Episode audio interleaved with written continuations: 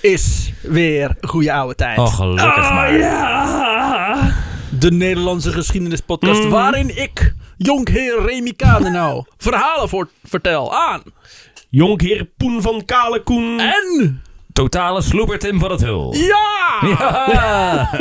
Elke week weer een andere intro. Hoi. feitje. Een feitje, ja, feitje. Het is wel leuk. Tijdens de Tweede Wereldoorlog waren de Oscars van hout. Metaal was schaars en nodig voor de oorlogsindustrie. En al een goud geverfd, neem ik aan. En die, Ta- eh, ta- ta- niet, of ze hebben een soort goud hout gebruikt, weet ik veel. Feitje!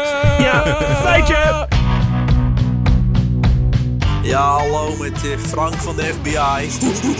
Hoe kan dit gebeuren? Waar gaat deze zin heen? 70 Park Lane!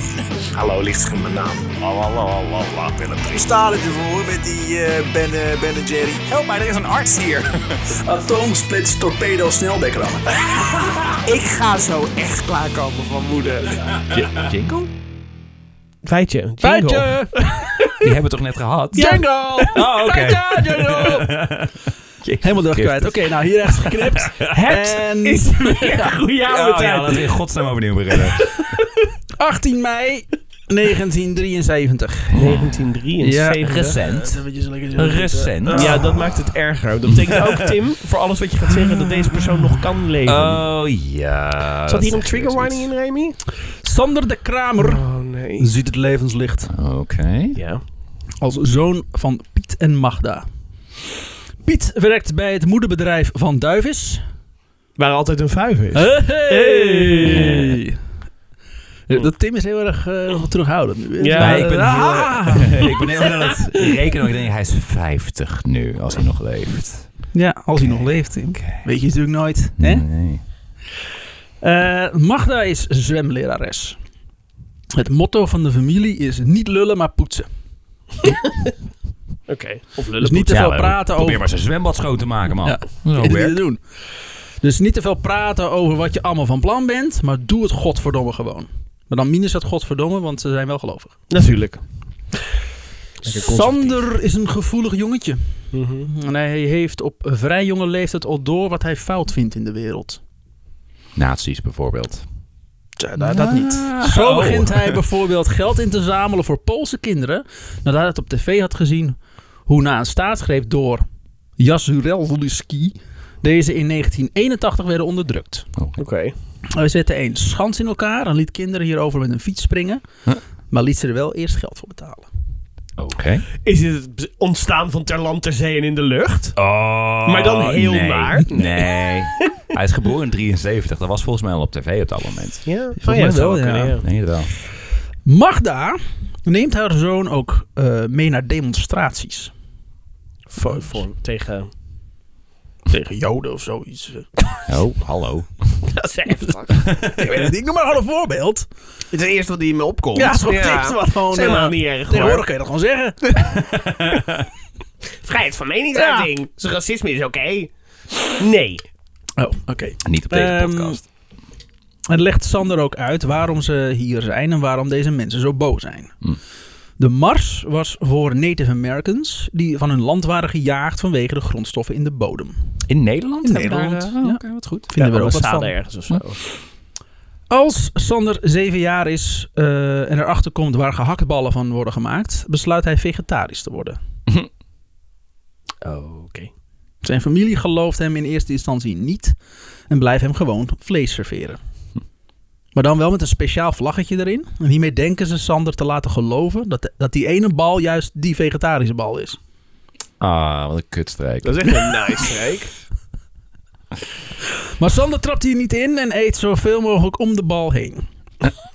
ja, als Sander zo oud is Hij om heeft te... er toch het ballen van stand Ja. van. Dus, eh, Het is alleen het vlaggetje eet hij op. Ja. Nee, laat die bal maar liggen. Ja, het is papier en hout is allemaal vegetarisch. Dat is toch theeprikketje achter in je keel. Als Sander zo oud is om te bedenken wat hij in vredesnaam met zijn leven wil gaan doen, besluit hij na lang wikken en wegen Afrikaanse taal en cultuur te kiezen. Als studie. Oké. Wat is er? Nee, ik ben altijd huiverig als we richting Azië of Afrika Ja, gaan. ja.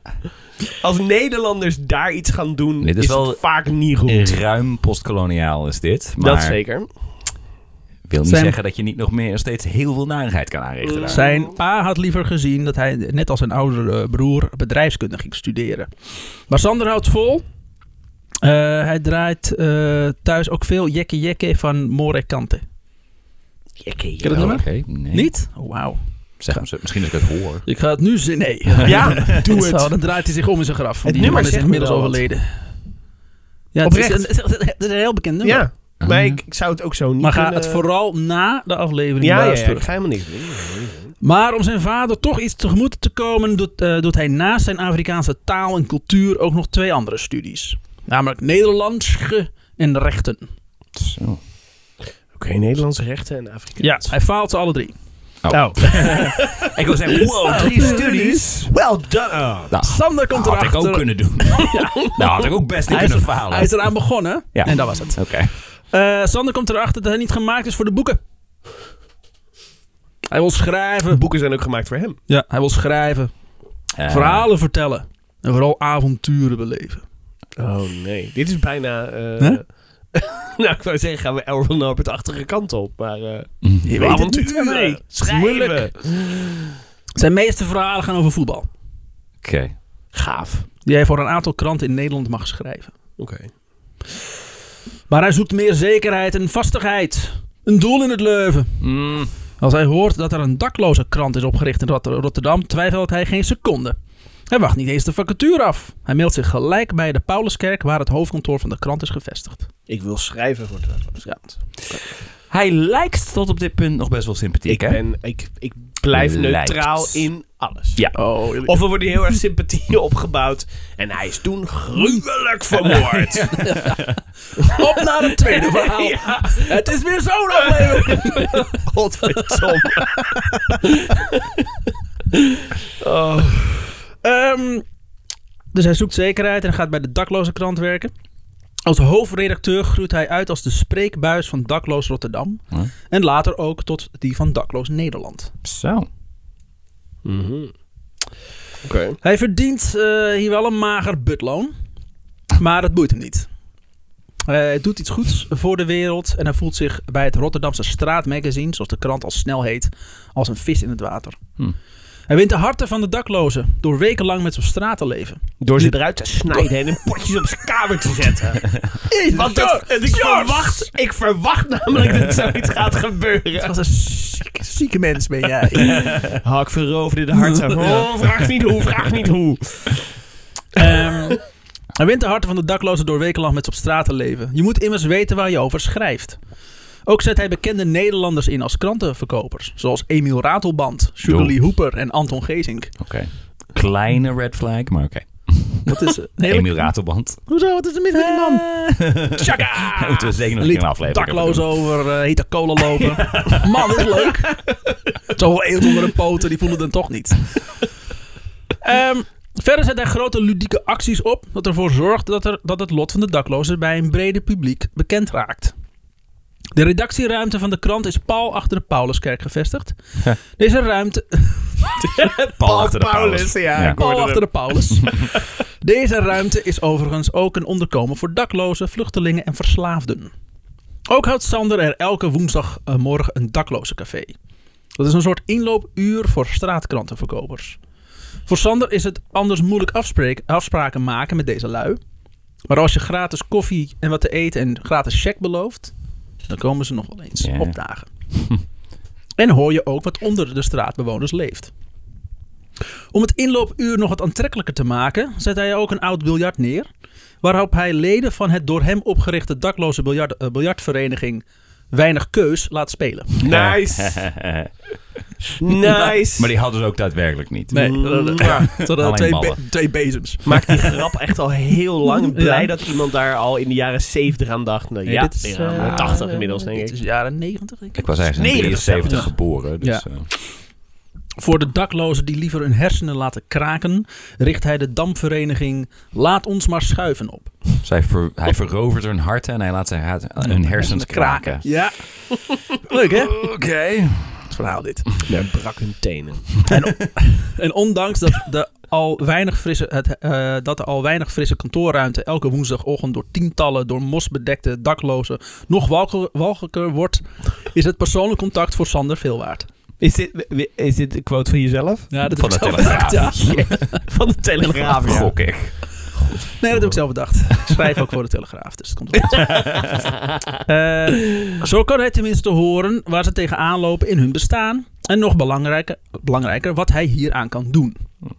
Normaal wordt er van je verwacht dat je als hoofdredacteur je afstand bewaart. Vooral niet te veel persoonlijk contact maken. Maar Sander heeft die scheid aan. Hij is een van hun. Net als de zwervers. Hij voelt zich geroepen om ze te helpen. En als hij het niet doet, wie dan wel? Hij staat voor ze klaar, neemt hun verhalen serieus, heeft altijd tijd voor ze. En hierdoor wordt hij ook opgenomen en vertrouwd. Ook speelt hij vaak een potje voetbal met ze. Voor doelpalen gebruiken ze gewoon twee stapeltje jassen. En als er wordt gescoord, dan vliegt Sander zijn medespelers om de nek zonder twijfel. Remy schetst hem als een aardig man. Ja, precies. Maar het wordt bijna een soort van orgy of evidence. Dat ik denk van, eh, oké, hij doet wel net iets te hard zijn best. Alsof hij iets aan het compenseren Ja. is, zeg maar. Nogmaals, Remy schetst hem op dit moment als een heel Ja, aardig man. precies. Het is bijna, en eh, toen begon hij een sitcom waarin hij een hele sympathieke eh, gynaecoloog is en zo. En een heel goed voorbeeld voor zijn gemeenschap. Sympathieke gynaecoloog. Ja, ja, ja. En we weten allemaal dat die niet bestaan. Nee, Ik weet niet, ik heb niks tegen gynaecologen. ik, zie het niet eens als werk, maar als een soort van hobby. Het is gewoon kutwerk. Nou, dat was het in Cosby's geval zeker. Oh ja. Dat was een passie van hem. Deze voetbalwedstrijden brengt hem op het idee. Het idee van het andere oranje. Een nationaal voetbalelftal bestaande uit enkel dakloze spelers. Die kunnen dan Ja, mooi Het spelen. scheelt wel op het stadion, er hoeft geen dak op. Precies. Dus het is gewoon in de arena spelen. Precies. Zijn ze toch gewend. Die kunnen dan mooi spelen op het toernooi, eh, toernooi wat hij in het leven heeft geroepen. Het WK voor daklozen. Het zegt me wel iets, dit. Bestaat dat nog steeds? Ja. Oké, ik wou zeggen, ja. Michael Sheen heeft daar laatst nog een... eh Echt? nou, die spreekt daarvoor. Ah, wat goed. Wat zeg ik? Een aardig goede man dit. Ja. Einde. Nee. Feel good verhaal. ja, wat fijn. Er doen eh, tien landen mee. Eh, Oostenrijk, Engeland, Nederland, Brazilië, Italië, Denemarken, Zuid-Afrika, Zweden, de Verenigde Staten en Slowakije. Hou even. Ik denk, zeg maar dat jij nu zegt dat Michael Sheen ervoor speelt. Dan denk ik van nou, dat is dat, dan is dat uitgegroeid. Maar hij fixt het ook gewoon gelijk om, om allemaal landen erbij Ja, dat zijn de te landen. betrekken. Ja, Maar dat, en dat heeft hij opgezet. dat heeft hij opgezet, ja. Maar- Dat is best knap. Ja. Damn. Een paar weken voor het toernooi is er wel een tegenvaller. Spits Mike, zo'n beetje de belangrijkste speler van het veld, wordt opgepakt omdat hij een berg met onbetaalde boetes heeft. Waar hij overigens eh, niet de middelen voor had om die af te betalen. Ja, Nee. Al zou hij dat willen. ik wou zeggen. Maar ze hebben dus wel allemaal geld om die dakloze mensen naar een land te vliegen en, Ja. te en Dat- dat- ze dat- voetbal te laten spelen. denk ik. Dat staan we Eh, allemaal in, ja. En, Sponsoren. maar er is geen geld om die mensen een huis te geven. Nee, want anders mogen ze niet meer meedoen. Anders- als- Ja. ben je best een daklozen. Hallo. Koopt er één eindelijk een huis, komen ze met z'n allen de dak eraf halen. Ja. Nee. nee, je moet spelen deze is zomer. een groepsgevoel, lul. Verrader. Als Sander hiervan hoort, trekt hij samen met een eh, cameraploeg naar het huis van bewaring. Dan schiet hij een bal over de ho- hoge muur heen. Nadat hij te horen heeft gekregen dat de gevangenisdirecteur hem niet te woord wil staan. Door de beelden die zijn opgenomen en Sanders verhaal vindt heel Nederland al snel dat Mike de Spits naar het WK moet. Ja, gelijk. eh, Ah, ik weet er te Ja. weinig van, maar ja! dat is hoe Nederland Ja. werkt. Ja, Nou, ik weet niet, ik bedoel het feit dat, dat je als dakloze boetes krijgt, inderdaad. Ik weet niet precies waar die boetes voor heeft gekregen, maar ik weet dat de daklozen boetes krijgen voor het slapen op een publieke plek. Dan Ja. denk je, ja, waar moeten ze dan slapen? En dan vervolgens van, oh, waarom betaal je niet? Ja. Omdat ik een dakloze ik man heb ben. geen geld. Wat denk je nou zelf? Zo leer je het nooit. Opsluiten. Ja. Nog meer geld. Ze zijn, ze zijn wel dakloze mensen wel een product van een falend eh, systeem inderdaad. Dus, dat Yep. geen... dus ja, nee, ik... eh, Als de gemeente Rotterdam zelf nog een duit in het zakje doet voor de behandeling van, eh, van onze dakloze medemensen, is Sander not amused. De burgemeester heeft namelijk een anti-bedelbeleid in het leven geroepen. Hm. Zo kunnen ze namelijk dakloze mensen van hun straten vegen vlak voor de kerstdagen. Mm. Oké, en waar gaan die daklozen Echt heen? Naar het de kerstgevoel. hè? Nam, nam, nam, nam, nam, nam. We geven je een dak. Ja, Eh, eh, ruimte nou, van 10 en vierkante meter. onder en, een brug. Ehm, dus begint... Maar wel een ophaalbrug. Het is heel Ja. onhandig. Ja, dan heb je af en toe het gevoel dat je nog steeds dakloos bent, toch? Rotterdam! Anders mag je niet meedoen in het WK. Dus dan begint Sander maar met het uitdelen van mondharmonica's aan elke dakloze. Mm. Zo bedelen ze niet meer, maar zijn het opeens straatmuzikanten. Straatmuzikant. Ja. Ja, Dat, dat vroeg me inderdaad al Ja. af. van, dat hebben dan- die, eh, die zigeuners in Amsterdam ook een tijd lang gedaan. Weet je dat nog? Want er is een bedenverbod in Amsterdam ja. inderdaad. Maar toen hebben ze een tijdje, hebben ze allemaal, hadden ze ineens allemaal een accordeon. Oh ja. En hetzelfde kutliedje wat ze maar keer op keer op keer Moet je je voorstellen dat je die leraar bent geweest die al die dakloze zigeuners dan moest leren. Nee, je moet... uit- Ah, Oké, nog een keer met z'n allen. En de 1, en de 2, en de 1, 2, 3. Ja, dan is dit gewoon een versie. Maar dit Ja, zijn maar- mondharmonica's, toch? Dit, de mondharmonica's, ja. Dus het is, je lost het probleem niet op. Ik Nee. bedoel, als die burgemeester denkt, nou, eh, we hebben te veel bedelaars en daklozen op straat. Ik verbied ze gewoon om dat te doen. Punt. Nee, zorg gewoon dat ze niet arm zijn. Dat ze niet op straat hoeven te leven. Ja, moeilijk. Symptoombestrijding. Maar goed, eh, En inmiddels heb je, ik weet, dat zal misschien in die tijd niet geweest zijn, maar de, dat ze zeker in winter en hele koude dagen dus echt opvang hebben s'avonds. Dus dat je s'avonds Ja. altijd een bed hebt. En Mhm. eh, het leger des Heils bestaat ook nog gewoon. zodat niemand Maar zo. dood ligt te vriezen op Ja. straat, zeg maar. Na tien jaar dakloze krant vindt Sander dat het tijd wordt voor iets anders. Ah, Hij heeft inmiddels in heel Nederland soortgelijke initiatieven gestart. Dus begint hij met het maken van radio- en tv-programma's. Onder andere bij RTV Rijnmond. Ook gaat hij in 2002 columns schrijven voor Dagblad de Telegraaf. oh jee. 2002. 2002. Zo. In de zaterdageditie van deze krant interviewde hij een jaar lang bekende Nederlanders voor zijn rubriek Sander vraagt door. Na vijf jaar voor de krant gewerkt te hebben, vraagt de Telegraaf aan Sander waar hij over nog, eh, waarover hij nog eens graag zou willen schrijven. Sander twijfelt gewoon in het moment. Er is maar één ding waar hij het liefst nog een keer over wil schrijven. Namelijk over het kutste land op aarde. Sierra Leone. Oh, oké. Ik, ik dacht echt dat jij ging zeggen Nederland. ik ken jou een beetje. Sierra Leone is door een oorlog en armoede en vele ziekten verscheurd land in Afrika. Ja. De naam is afgeleid van Serra Leola, Portugees voor Leeuwenberg. Hm. Die, het eh, die het land in 1461 als eerste Europese hufters toe-eigenden. Oké. In het begin van Sierra Leone vooral is, eh, is het vooral een. eh, sorry, in het begin was Sierra Leone vooral een interessante bron voor, van slaven. Van Bruce Island alleen al werden tussen 1670 en 1807 duizenden slaven verscheept naar Amerika en West-Indië. Do- door wie, Remy? Ja, door de mensen. mensen. Door mensen. Nee, ik ben geen racist. Ik zie gewoon alles als mensen. Ja, Toch? zeker als het om Nederlanders gaat. Vooral, ja, nee, dat maakt niet uit. uit. Ah, eh, Toen in eh, 1787 een aantal bevrijde slaven uit Londen opeens mochten besluiten waar ze zouden gaan wonen, kozen deze voor Sierra Leone. Ja.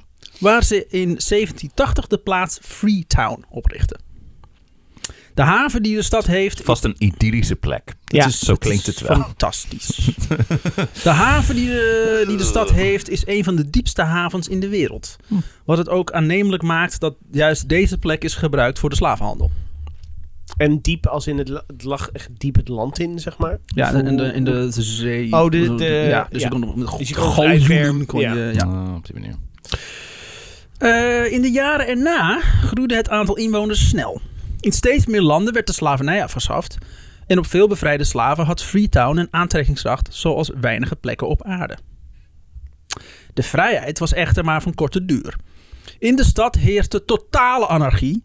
Dus de Britten lijfden de stad in 1808 in en kroonden haar tot een van haar kroonkolonies. Oké. Wat fijn. Waren de Portugezen op dat moment al weg? Ja. Oké. Ja. Dus het is even vrij geweest en toen Ja. zeiden de Europeanen... Nee, nee, nee, Ja, nee, wat nee. is het de teringzooi? Jullie kunnen niet voor jezelf zorgen, dus Het overduidelijk. Moeten wij jullie helpen. 70 jaar lang was Freetown de hoofdstad van Brit- eh, Brits West-Afrika.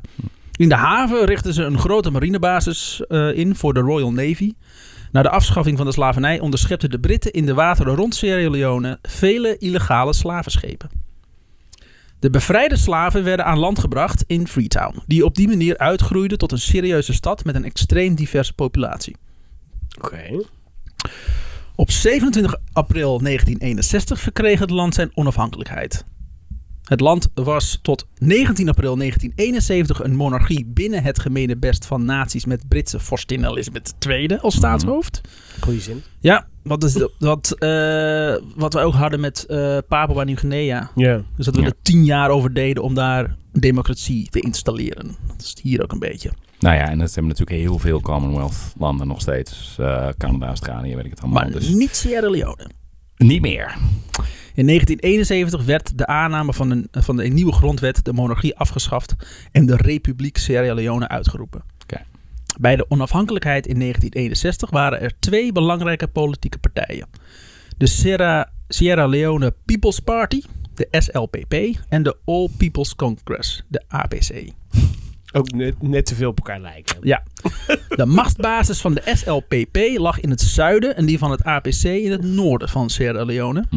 De eerste president werd Milton Margai van de SLPP, maar hij overleed in 1964. Dus werd zijn broer Albert Margai, die nam zijn functie maar over. De monarchie was voorbij, toch? Ja. Ah, dat eh, gaat goed, gaat lekker daar. Old habits die hard. Ja. Eh, maar hij werd in de verkiezingen van 1967 verslagen door APC's eh Siaka Stevens. Maar premier Albert Margai weigerde af te treden ten gunste van Stevens. Hè, want Oh, het, daar hele, hele democratiegedeelte hebben we niet goed uitgelegd. Nee. Uiteindelijk gaf Margai toe en op 21 maart werd hij toch uiteindelijk premier. Dus die Stevens. Oké. Daarop vond een militaire staatsgreep plaats. Nog dezelfde dag dat Stevens premier was geworden. En werd Sierra Leone tot 1968 door junta's geregeerd. Ver- eh, geregeerd. Op 26 april 1968 werd Stevens uiteindelijk dan wel premier voor, eh, van een nationale coalitie, waar ook de SLPP deel van uitmaakte. Hm. In 1969 trad de SLPP uit protest uit eh, de regering omdat Stevens een republiek wilde. Daar waren ze het niet mee eens. hey, ze waren toch altijd een republiek? Ja, en en nu waren ze een, eh, wat was het? Een, nationale coalitie. Oh, oké. Bij een referendum in april 1971 koos de bevolking van Sierra Leone voor een republiek. Dus het volk wil het ook. Ja. Eh, en na een kort interim van Denk. Christopher Okrekole eh werd Stevens president. Maar we zijn er nog niet. Eh, in Ja, had ik ook niet 1978 werd Sierra Leone in één partijstaat met de All People's Congress als enige partij, wat altijd een goed idee is. Ja. Eh, ondanks financiële steun van Groot-Brittannië, de Verenigde Staten en China lukt het Stevens niet om de economische toestand te verbeteren, wat heel gek is. Hij kreeg heel veel geld, maar het lukte maar niet om al dat Oh. geld uit zijn eigen zakken te halen. dat is ja. heel moeilijk. Ja, dat rolt dan zomaar Ja. ineens in hoeren en zo. Ja, hoeren. Het gaat per ongeluk, dat doe je Ja. niet. Maar dat, eh, je wil het niet. Het is chaos. Zwaartekracht. Ja. ja. Dat is het evenaar Dat daar in de buurt. Hè. Dat rolt sneller zo'n kant op. Ja. Zo werkt het niet anders. Je hoort het hier. Bij Goeie ouwe. 20 november 1985 trad Stevens als president af ten gunste van Joseph Saidu Momo. Mama. In maart 1991 luidden de eerste acties van het Revolutionary United Front, de RUF. Sorry. Het begin in van een bloedige wetteloos decennium. Kijk. Ik kan zeggen, tot nu toe viel het me allemaal nog wel mee namelijk. Ik bedoel, politiek onstabiel, maar niet heel gewelddadig. Maar daar begint het dus nu. Gewapende rebellen vielen her en der in het land soldaten van president Momo aan. Hmm. In een poging hem van zijn troon te stoten. Uiteindelijk keert ook. Ja? Ik wilde zeggen, wat had ik maar niet op mijn troon moeten Nee, gaan hallo, je bent gekozen. optics, jongens. Dan ben je eindelijk een republiek. Nog steeds diezelfde Die troon op. daar. Van eh, die eh, Elizabeth II daar ook had. Met allemaal hele discutabele illustraties aan de zijkant. Ja. Ik weet het niet. Die eh, mensen Momo. lijken op ons, ja dat klopt. Maar daarom ben ik ook, zit ik ook op jullie. Omdat ik jullie koning ben. To- sorry, gekozen Oh, president. shit. Oh, wat leuk zo voor dit alles. Momo de eerste. Oké. Uiteindelijk keert Momo zijn eigen leger hem de rug toe. Oh. Een jaar later is de militaire staatsgreep een feit. Maar de RUF houdt het hier niet voor gezien en gaat vrolijk met moorden door. The roof is on fire, immers. Ze hebben er zin in. Ze zijn op dreef. Ja. Ja.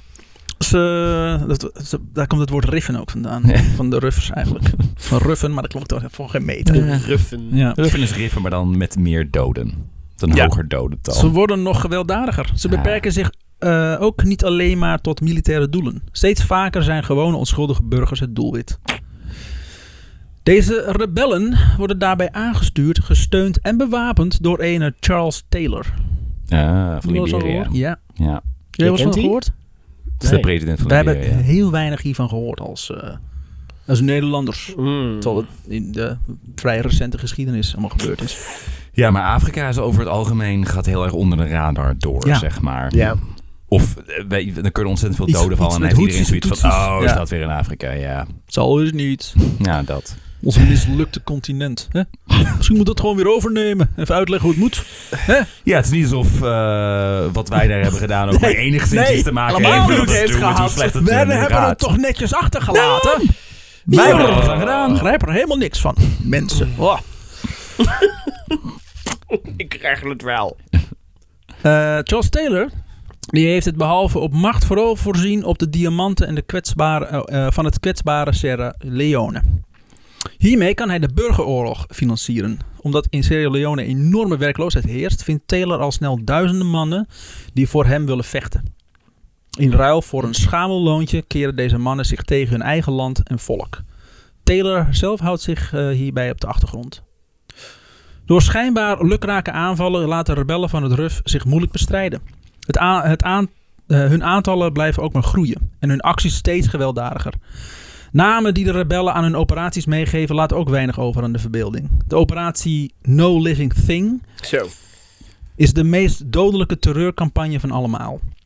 Overal waar rebellen verschijnen komen talloze onschuldige burgers om het leven. 1 miljoen mensen, een zesde van de totale bevolking, slaat voor het oprukkende geweld op de vlucht. En dit is dus waar Sander heen wil, hè? Ja. Sander zegt dus van, oeh, weet je waar ik heen wil? Ja, hij wil daar iets over schrijven. Betekent dat ook dat hij daar naartoe wil? Ik vermoed van wel. Maar komen st- straks pas weer terug bij Sander. In Velen de volgende aflevering. Bij de volgende aflevering. Het is nu alleen maar een bloemlezing over Sierra Leone. Ehm, een zesde van de totale bevolking slaat voor het oprukkende geweld op de vlucht. Velen steken de grens over met buurland Guinea. Of Guinea? Guinea. Guinea, dank je. Waar ze in vluchtelingenkampen belanden en zich dagelijks wanhopig afvragen hoe het met hun vrienden en familie is vergaan. Pas in 2002, als de internationale vredesmacht aangevoerd door voormalig bezetter Groot-Brittannië een einde maakt aan de oorlog, keren ze terug. De oorlog duurt van 1992 tot 2002. Zo hé, zo lang. In 2012, na een zitting van 10 jaar, hoort Charles Taylor dat hij 50 jaar krijgt voor zijn aandeel in de oorlog. Hij wordt schuldig bevonden tot het aanzetten tot oorlogsmisdaden en misdaden tegen de menselijkheid door, eh, die door de rebellen zijn begaan. Ze houden hem mede verantwoordelijk voor terrorisme, moord, verkrachting, plundering, de werving en inzet van kindsoldaten, seksuele slavernij en daden als verminking en amputatie. En hij is nu eh, voorloper als republikeins eh, kandi- kandidaat in Ja, Amerika. waarschijnlijk. Ja, en volgens mij is hij partijlid van de FVD. Oh, uiteraard. Ja, ja. Alsof ze daar een zwarte man toe zouden laten. Remy, kom op. Dat is waar, inderdaad. Ja, iemand moet koffie zetten natuurlijk. Oh, Charles Taylor. Doordat Taylor en zijn bende rovers ouders van hun van kinderen vermoorden. Dat klinkt te leuk, sorry. Zijn benderovers, alsof het uit een sprookje komt. Ja, de, de, de, de tweede gedeelte van de zin was beduidend minder sprookjesachtig. ja. ja. Oh. En zijn benderovers. ja. vielen deze makkelijk ten prooi aan gewetenloze mijnbazen. Bij gebrek aan iets beters lieten de weeskinderen zich voor een hongerloon te werk stellen in een van de talloze clandestine diamantmijnen.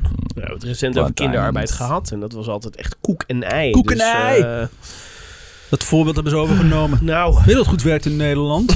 kinderarbeid. Kinderarbeid. Maar in plaats van eh, dat we kinderen laten flikkeren in eh, textielmachines, diamantmijnen, Diamantmijnen. Beter. lekker glitterend Kassa. werk, hoppakee. Wij hebben ook hobbeljongens, maar dat is gewoon omdat ze geen benen hebben. Ik was daar ook niet tevreden over. Ah, je zei hem wel. Ja, jawel. Als mijn Oh. lach begint met... Als je Ja, het niet een doet, ja. oh, dan is het niet best. En over al deze gezelligheid wil Sander graag schrijven. Hij reist af naar Sierra Leone. Ah, there we go. Hij ontmoet, Godzijdank wordt er over geschreven, overigens. als ik het Ja, ja. Hij ontmoet via een contact Mohammed Fodé Hamara. Eh, bijnaam MF. Motherfucker. Die, nice, die Engels spreekt. Dat is opmerkelijk te noemen. Hoewel Engels de officiële taal van het land is, komt MF uit de jungle. Waar eigenlijk alleen Krio gesproken wordt. Krio is dan wel gebaseerd op Engels, maar is ontstaan doordat er door, door verschillende slaven en ex-slaven uit alle uithoeken van de wereld in Freetown gebroken Engels is gesproken. Ja, Creols. Dat, ja, Ja. Creools en heel veel andere talen door elkaar heen. MF daarentegen is door zijn broer naar school gestuurd, zodat hij als een, als een van de weinigen in de jungle wel een Engelse taal machtig is. En wat hem een universitaire studie heeft opgeleverd. En een goede baan. MF is getekend door de burgeroorlog. Hij praat er het liefst niet over, maar tegen Sander wil hij dat wel. Zijn broer ontsnapte ternauwernood aan een beestachtige moord. Gekneveld op zijn knieën was hij nog slechts in afwachting van de genadeklap van een vlijmscherpe machette toen zijn beul plotseling werd afgeleid door geweerschoten en hij in een flits wist te ontkomen. Zo. Wauw. MF met zijn vrouw en kinderen woont hij midden jaren 90 in Cambia Town. Wat in het Cambia district ligt. Dat weer ten in noordwesten van Sierra Leone. Mhm. Wanneer rebellentroepen de stad naderen, besluit hij zijn gezin in veiligheid te brengen en met hen de jungle in te vluchten, naar zijn geboortedorp, waar veel van zijn familieleden nog altijd wonen. Achteraf bezien redde hij met dat besluit hun leven. De aanval op Cambia Town in 1995 is een van de vreedste en bloedigste uit de burgeroorlog. Hele gezinnen worden hun huizen uitgejaagd en op straat zonder pardon vermoord of verminkt. Longsleeve of shortsleeve is de keuze waarvoor onschuldige burgers en kinderen worden gesteld. Oh. Afhankelijk van hun antwoord wordt daarna hun hele arm of alleen hun onderarm met een machette Ik afgehakt. dacht al een beetje. Jonge vrouwen worden door, voor de ogen van hun familie verkracht. Uiteraard. MF ziet voor zijn ogen hoe twee rebellen discussiëren met elkaar over wat het geslacht zou zijn van het kind wat in de buik van een hoogzwangere vrouw zit. Nee. Ah, nee. Ik weet waar dit heen gaat. Die zij net na, aan haar haren naar buiten hebben gesleept. Een jongen, zegt de een. Nou, ik denk een meisje, zegt de ander. En met een flits van de machette wordt de buik opengereten en de ongeboren foetus eruit gerukt. Moeder en kind worden daarna als afval op straat achtergelaten, badend in het bloed. Honderden mensen, George, zeg eens iets grappigs. Nee. Nee, hè? honderden mensen worden die dag als beesten afgeslacht en verminkt. Nadat hun huizen zijn geplunderd, worden ze in brand gestoken. Heel Cambia wordt door de rebellen in de as gelegd. Veel kinderen worden meegenomen en gedwongen ingezet als slaaf of kindsoldaat. Sommige van hen worden gedrogeerd, geblinddoekt en krijgen daarna onder het mom van training een geweer in hun handen gedrukt. Met de opdracht eh, om het wapen recht voor zich uit te richten en de trekker over te halen. Wanneer het schot gelost is en de blinddoek verwijderd, zien zij voor hun voeten het levenloze lichaam van hun eigen moeder of vader liggen. Ja. De gedachte erachter is huiveringwekkend. Als je je eigen moeder hebt vermoord, dan kun je iedereen vermoorden. Zo maken de rebellen van onschuldige kinderen gewetenloze moordmachines. Aan deze scenario's weet MF te ontsnappen met zijn gezin, door naar zijn geboortedorp diep in de jungle te vluchten. Maar ook daar is hij niet veilig. Vier jaar nadat nadat het dood en verderf het gezaaid in Cambia Town, bereikt het rebellenleger ook zijn dorp. Bij het zien van de eerste rebellen rent de familie van MF in blinde paniek de jungle in. MF zelf twijfelt. Zijn vader is slecht ter been. De oude man gebaart naar zijn zoon om zijn gezin achterna te redden. Maar MF kan het niet. Hij kan zijn vader niet achterlaten. Toch maar doen. Met elke meter dat de rebellen naderen begrijpt MF dat hij geen keuze heeft. Hij moet, hij moet wel. Hij drukt zijn vader nog wat geld in zijn handen, omhelst hem een laatste keer en rent de jungle in, achter, naar, achter zijn familie aan. Aangekomen aan de rand van het dorp blijft hij verstopt in de gewassen kijken naar het huis van zijn vader en de naderende jeeps van de rebellen. Hij blijkt net op, tijd, eh, net op tijd te zijn gevlucht. Nog geen minuut later komen de rebellen onder leiding van bevelhebber Abbas het dorp ingereden. MF vergeet de naam en het gezicht nooit meer. Inmiddels is de avond gevallen. In de duisternis hoort hij hoe de rebellen het huis overhoop halen en hoe zijn vader bedreigd en geïntimideerd wordt. Als hij vermoedt dat de rebellen op het punt staan het huis in de hens te steken, houdt hij het niet meer en rent het huis binnen en staat oog in oog met Abbas. Wat jullie, willen jullie van ons? Wat willen jullie van ons? In godsnaam! Wanneer laten jullie ons met rust? Oh, paginaatje schreeuwt MF in het gelaat van Abbas, die zowaar, zowaar vatbaar lijkt voor onderhandeling. 500.000 leones. Wat hij graag hebben. Oké. Omgerekend zo'n 50 euro. Oh. En voor vijf geiten is hij wel bereid om zijn rebellenleger te commanderen om het dorp te sparen. Het hele dorp ook. Ja. Voor 50 euro. Ja, en, eh, en vijf geiten. Oké. Heel belangrijk. Ja. Nu heeft MF geen 500.000 leones, eh, maar hooguit 200.000. Maar alsnog eh, gaat MF akkoord. Nee, dat ga ik wel voor je regelen. Die 500.000 Ja, ja, eh, komt zou- goed. Dat zou ik maar zeggen, ja. Hij mag het geld halen van Abbas. MF heeft dit namelijk ergens in de buurt verstopt. Eh, Abbas drukt hem een zaklamp in zijn handen en geeft eh, de instructie dat als je klaar bent, eh, drie keer een signaal te geven met de lamp. MF haalt zijn ge- geld op, boven op een heuvel. ziet inderdaad dat het maar een schamele 200.000 leones zijn. En signaleert Abbas om te komen. In plaats van het rebellenleger, in plaats van de rebellenleider, komen er al tientallen rebellen op het signaal af. Die even verbaasd zijn als MF. Ze dachten allemaal Abbas hier tegen te komen. Dus dat is zijn signaal om eh, die Ja. soldaten naar hem toe te krijgen. MF wordt meegenomen naar het dorp, overhandigt met trillende handen het geld aan Abbas. Die ziet ook dat het veel te weinig is. En hij kijkt MF even aan, die zich inmiddels voorbereidt op het ergste. Maar dan geeft Abbas het signaal om te gaan. Op de uittocht worden er nog een aantal geiten meegenomen. En zij komen niet meer terug. Over de oorlog en de gruwelijkheden wordt niet gesproken. Het is taboe voor de meeste Sierra, Sierra Leoners. Veel van de rebellen zijn na de oorlog gewoon in Sierra Leone gebleven. Abbas werkt bijvoorbeeld tegenwoordig in Cambia Town als schoenmaker. Wat? MF komt, Ik zou hem, maar over mijn schouders kijken als ik eh, die man was. Ja? Nee, maar die geen fans heeft. MF komt hem vaak genoeg tegen. Oh. Of Abbas hem herkent, weet hij niet. Ze spreken elkaar nooit. MF weet Sander te vertellen dat Sierra Leone last heeft van, eh, van westelijke landen met hun zogenaamde ontwikkelingshulp. Ze komen geld brengen, eh, die verdwijnen in zakken van corrupte ambtenaren en politici. Hm. Ze bouwen waterputten, scholen en andere onzin op plekken die helemaal, helemaal niet logisch zijn. Vijf jaar na dato is de oorlog nog steeds zichtbaar in Sierra Leone. Hm. Overal zie je verwoeste gebouwen, uitgebrande huizen en ernstig verminkte mensen. Er is geen elektriciteit, het wegennet is volledig verwoest, er is geen schoon drinkwater en als het er al is, dan is het alleen voor de rijkere eh, inwoners.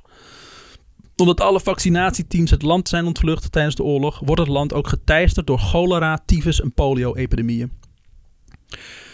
MF zelf houdt zich bezig met het verstrekken van microkredieten. Hm. Quote, het grootste probleem is het gebrek aan kennis en middelen. 70% van de bevolking is analfabeet en hebben simpelweg niet het denkniveau om zich aan de armoede te ontworstelen.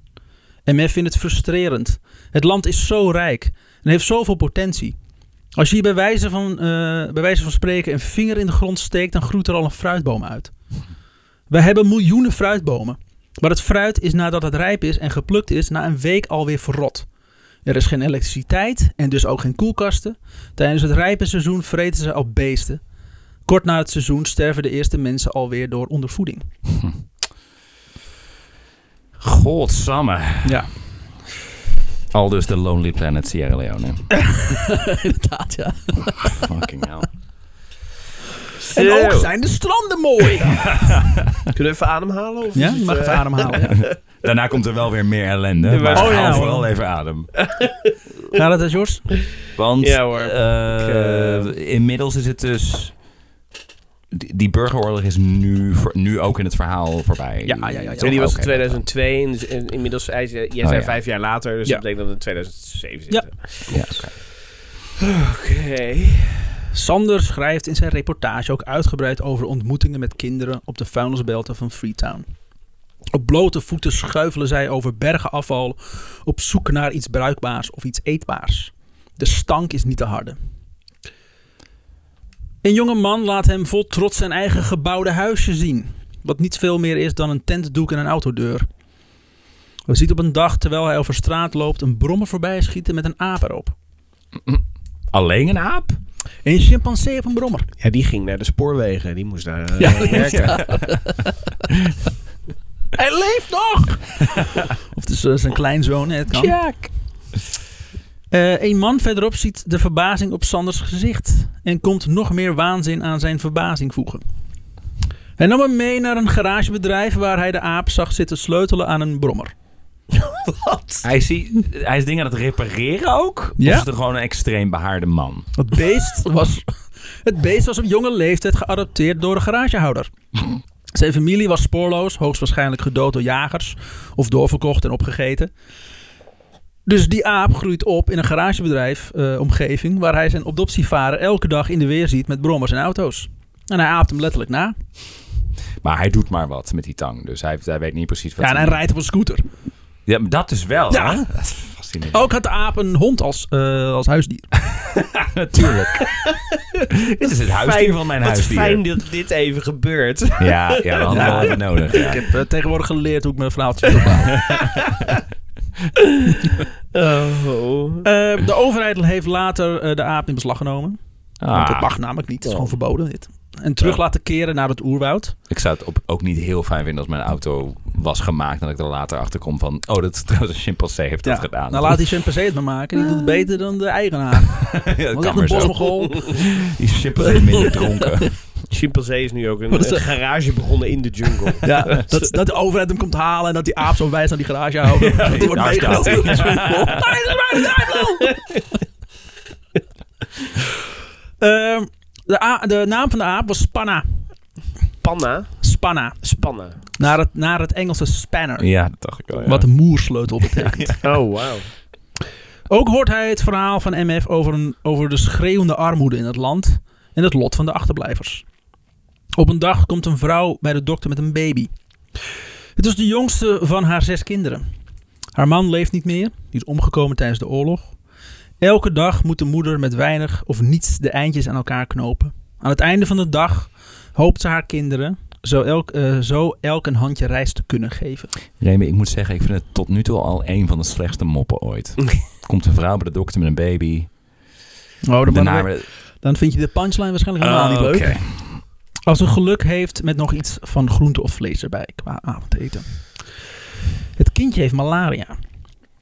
Geen schokkende diagnose. Nee. En ook een ziekte met de juiste medicijnen gewoon te behandelen is. Maar het is Sierra Leone. De kosten betaalt eh, het ziekenhuis zelf. Oké. De kosten voor de moeder is net onder 1 euro. Dus dat is haar deel. Dan verlaten de artsen de kamer om het medicijn te halen. Wanneer ze een paar minuten later terugkomen is de moeder verdwenen. Haar kindje, een paar maanden oud, ligt roerloos in bed. Dood. Wat? De artsen begrijpen het niet. De ziekte was niet levensbedreigend. Dan ziet een van hen kleine witte pluisjes in de neusgaten van de baby die daar eerder nog niet zaten. Kus over het hoofd. De gedachte van die ene euro, wat ze voor de behandeling moest betalen, heeft de moeder doodsbang gemaakt. Het zou namelijk betekenen dat haar andere vijf kinderen die avond niets konden eten. En de dag daarna ook niet. En de dag daarna ook niet. Het leven van het hele gezin kwam in gevaar. In blinde paniek heeft ze haar eigen kind gedood en huilend de deur uitgerend. Goeie ouwe, dames en heren.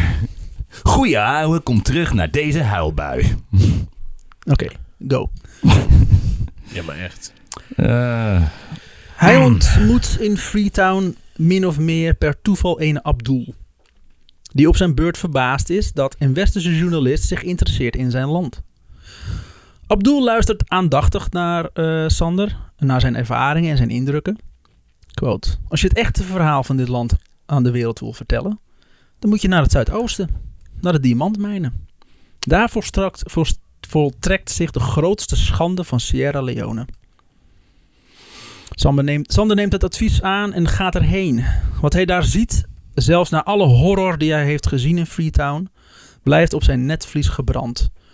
Honderden besmeurde diamantkinderen op zoek naar kostbare steentjes in een eindeloze modderpoel. Na zijn publicatie van het artikel in de Telegraaf blijft het aan hem knagen. Waarom werk ik in godsnaam voor de Telegraaf? nou, echt. De laatste zin van het artikel is ook... Gelukkig komen ze niet hier. Die, die heeft de, de, de, Ja. de, redacteur er er nog zelf even nog even, ingezet. ja. Alsjeblieft. Nog een andere aanbieding van een juwelier of zoiets. Gassan Diamonds. Met de kortingscode Sander. Ha ha ha, Sierra Leone. 2 tot 20% korting. Eh, het blijft aan hem knagen. Hij moet meer doen. Hij, mo- hij moet terug. Hij moet deze mensen helpen. Sander vertelt MF over zijn plan om kinderen uit de mijnen te gaan redden. Zo. Die drukt op zijn hart heel voorzichtig te zijn. Ja, er zitten hele corrupte organisaties met veel wapens. En, Het, Ja. ja. het regime in de mijnen is meedogenloos. ja. Op pottenkijkers zitten ze niet te wachten. En op pottenkijkers die het voorzien hebben op een goedkope arbeidskracht al helemaal niet. Maar Sander laat zich niet ontmoedigen. Hij heeft laatst de film Blood Diamond gezien met Leonardo DiCaprio Moest daar al een hele tijd aan denken ook. in de hoofdrol. En die maakt een diepe indruk op Sander. En hij weet, dit is maar een film. De werkelijkheid is nog erger. MF koppelt Sander aan Sawyer. Eh, vernoemd naar Tom Sawyer. Hm. Eh, een lokale gids die samen met Sander op pad gaat. Om een beter idee te krijgen van de omvang van het probleem... wil Sander meerdere mijnen bezoeken. Op een eh, Okada, wat een brommertaxi is... rijden ze diep de provincie Bo in. Een local oh, eh, die, eh, die hun over het bestaan van een afgelegen mijn vertelt, heeft verteld, wijst hun de weg. Maar vlak voordat ze de mijn bereiken, worden ze bij een van de vele checkpoints staande gehouden door een argwanende politieagent. Van het gesprek dat Sawyer met de agent heeft, wordt Sander niet veel wijzer. Een hoop handgebaren ziet hij wel. Ook dat Sawyer zo nu en dan naar Sander wijst. En dan weer de jungle inwijst. Even later ziet hij de agent mokkend de slagboom openen. Als, Sawyer, als hij Sawyer vraagt wat hij de beste man heeft verteld, zegt hij... Gewoon de waarheid. Dat er verderop kleinere kinderen worden uitgebuit. En dat wij, die daar, wat wij daar een eind aan komen maken. Oh, nee. Doe dat nou niet, man. Sawyer is een beetje een opvliegend type. Die eh, stopt met nadenken als het niet gaat zoals hij het wil. Wat je dus moet doen, hè, is niet laten weten. Ja. Dat je heel voorzichtig Ja. aanpakken, dat regime. Oké, we zijn hier. Hebben de Fuck Sawyer. Ja, sorry, ik liep eraan. Ik weet ook dat ik eraan moet werken. Ja, maar Sawyer is niet heel oud, of wel? Ja, een beetje dezelfde Sawyer, leeftijd, sorry, eh, wat ik bedoel is, Sawyer wordt niet heel oud, of wel? Aangekomen bij de mijn zien ze dat er in plaats van kinderen hun een woedende menigte hen op staat te wachten. De agent bij de poort had de mijn gewaarschuwd dat er een wit spook hun kinderen komt halen. Koekoekskleef. Of zo. Nee. Eh, Sawyer probeert het nog uit te leggen, maar de sfeer slaat al snel om. Want Sander en Dus de Schof sfeer van de, van de woedende menigte. moedigt de menigte Oh, in, de, in de mijn waar hij in werkt. En van de kinderslaven. Was het echt menigte. Zo was, leuk. was patatdag en zo. Oh. Hartstikke leuk. Maar dan kwam, Sander daar weer een eind aan maken. Ehm, Kom kinderen, kom bij mij mee. Op Taco Tuesday? Dacht het niet. nee. Sowieso moeilijk eten met mijn hand. Maar goed, maakt niet uit. Aangekomen bij de mijn hebben ze de wit spook, bla. Sawyer probeert het nog uit te leggen, maar de sfeer slaat al snel om. Sander en Sawyer ontvluchten de woedende menigte op hun brommers, terwijl achter hun de fakkels worden ont- aangestoken en de hooivorken uit het vet worden gehaald. Die, die hadden ze wel klaar. Ja. Ja, ja. Voor of als, So- of- of als Sawyer kwam Ja. met een wit spook, of als het monster van Frankenstein komt. En je weet nooit. Eén van de twee. Kan elk moment gebeuren. Aangekomen bij de slagboom en de agent krijgen ze door dat deze hen niet door wil laten gaan. is diezelfde agent. Ja. Achter ze horen ze de woedende menigte van zo'n, van zo'n 100 mijnwerkers harder worden. Die politieagent zo van, maar je kwam toch die kinderen bevrijden? Ja, wat zijn die kinderen dan, Ja, hè? dan. Beetje valse beloftes. Had er een zien? Maar zoals bijna alles in Sierra Leone redt corruptie de dag. Yay. Zodra Sander een stapel bankbiljetten uit zijn zak haalt en de agent omgerekend niet meer dan 10 euro geeft, gaat de slagboom open en mogen ze de menigte ontvluchten. Damn. Hun levens waren 5 euro per stuk waard. Ja. Mm. Haha, kassa. Toch een beetje Emiel, hè? Hey, Tim en ik hebben ook een keer voor 5 euro een agent opgekocht. Dus, eh, wat dat Wel betreft- kinderen gekocht uit de Oh, mijn, ja. toch? Ja, ja. Dat ik weer vergeten. Ja. Dat per ongeluk, dat was het ook nog iets. Kan ik jou gewoon niet betalen? ja. Wat? Ja, nou ja, dat doet er niet toe. of Dat per ongeluk ging of Ja. expres. Je hebt het wel gedaan. Gangsters. Motherfucking gangsters. dat verhaal houden de goede Ja. luisteraars gewoon te goed. Ja. Ook omdat het namelijk alleen maar tegenvalt. Als je Ja, het dat is absoluut. Alles wat je nu in je hoofd hebt is cooler ja. Nice. dan wat er is gebeurd. Was het voor of na die drive-by? Drive bij Oh, drive-in, sorry. Dat Drive het, in, ja. ja. dat was het. Maar eh, we besluiten toch maar op een andere manier de kinderen te redden uit de mijnen. Het was niet echt goed. Kan de, de stom er echt denken ik erheen kan gaan. En Zeggen dat, eh, tegen de mensen die ze uitbuiten, we komen ze nu meenemen. Ja, En wat, wa- wat Ja. was ook het idee inderdaad? Daar gewoon stampijlen open maken. Zie je wel hoe wit ik ben? Ja, daarheen gaan en zeggen: Kom mee, kinderen, naar mij in het beloofde land. En dan speelt hij op zijn fluit en dan komen die kinderen zo achter hem aan. Een kruistocht in spijkerbroek zo. Mm. Ehm, De kinderredder van Sierra Leone. Ja. hoor. maar besloot op een andere manier de kinderen te redden uit de mijnen. En ook misschien wat meer gebruik te maken van de locals.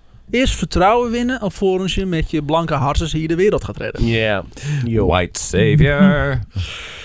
Samen met jeugdvriend Hugo Borst starten ze de Sunday Kunnen we Foundation. even stilstaan bij Hugo Borst? Ja? Ken je die niet? Het, eh, die Ja. eh, uniformen voor de nazi's, toch? Dat is Hugo Borst. Ah, oké. Mijn fout. Nee, Hugo Borst is een schrijver. Ook. Ah. starten ze de Sunday Foundation. De naam Sunday is afgeleid van Sander.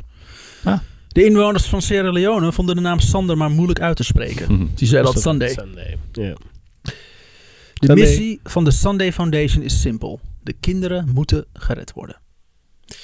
En dat is het einde van deel 1. Oké. Nou, ik vermoed dat Mooi Sander toch geen seriemoordenaar gaat worden of zo. Nee, dat is fijn. Dat doet mij. Tenzij die op een gegeven moment... eh, Tenzij die kinderen bevrijdt en ze allemaal vermoord. Ja, of eh, zich dat- gaat heroriënteren op een gegeven moment. Maar ik wil toch een soort van carrière switch maken. Dit is het net niet helemaal. Of hij denkt van, diamantmijnen, dat is een gouden businessman. Maar hoe kom ik aan goedkope krachten? Wacht, Oh. Opnieuw uitvinden. en opnieuw uitvinden. Kinderen importeren als Ah. expats.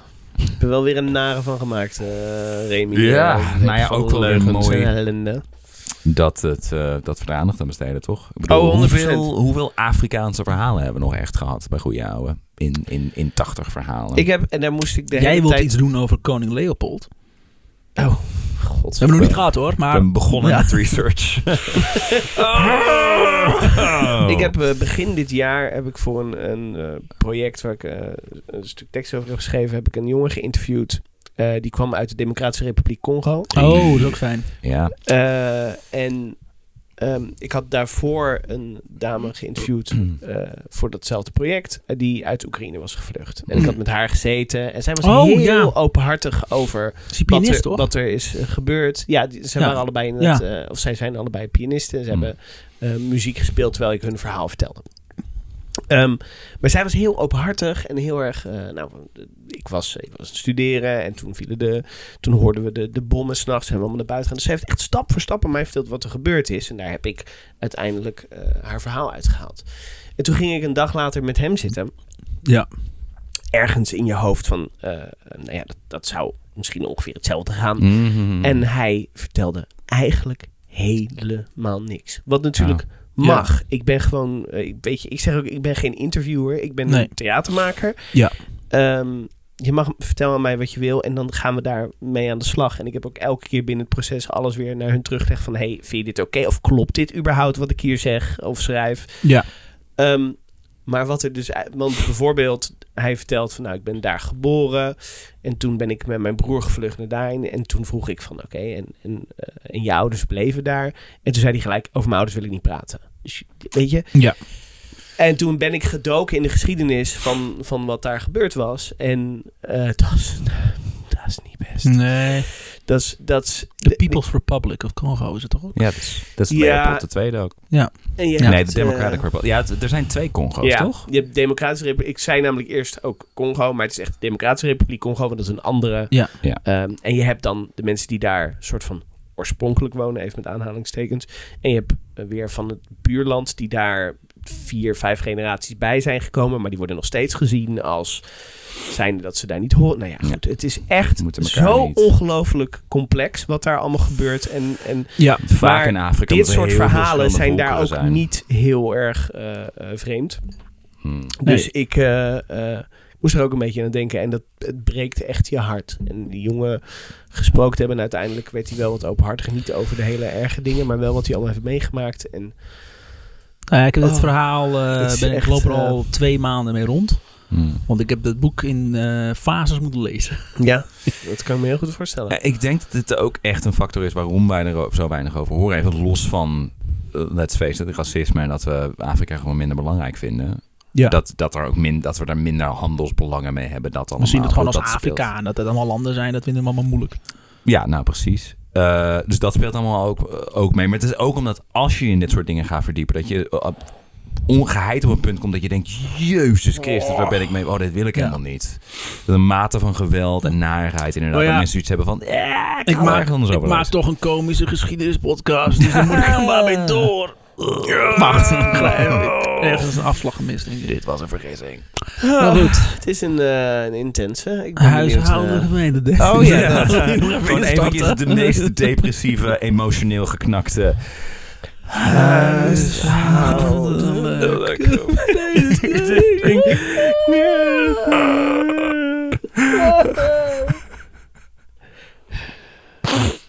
Tot volgende week.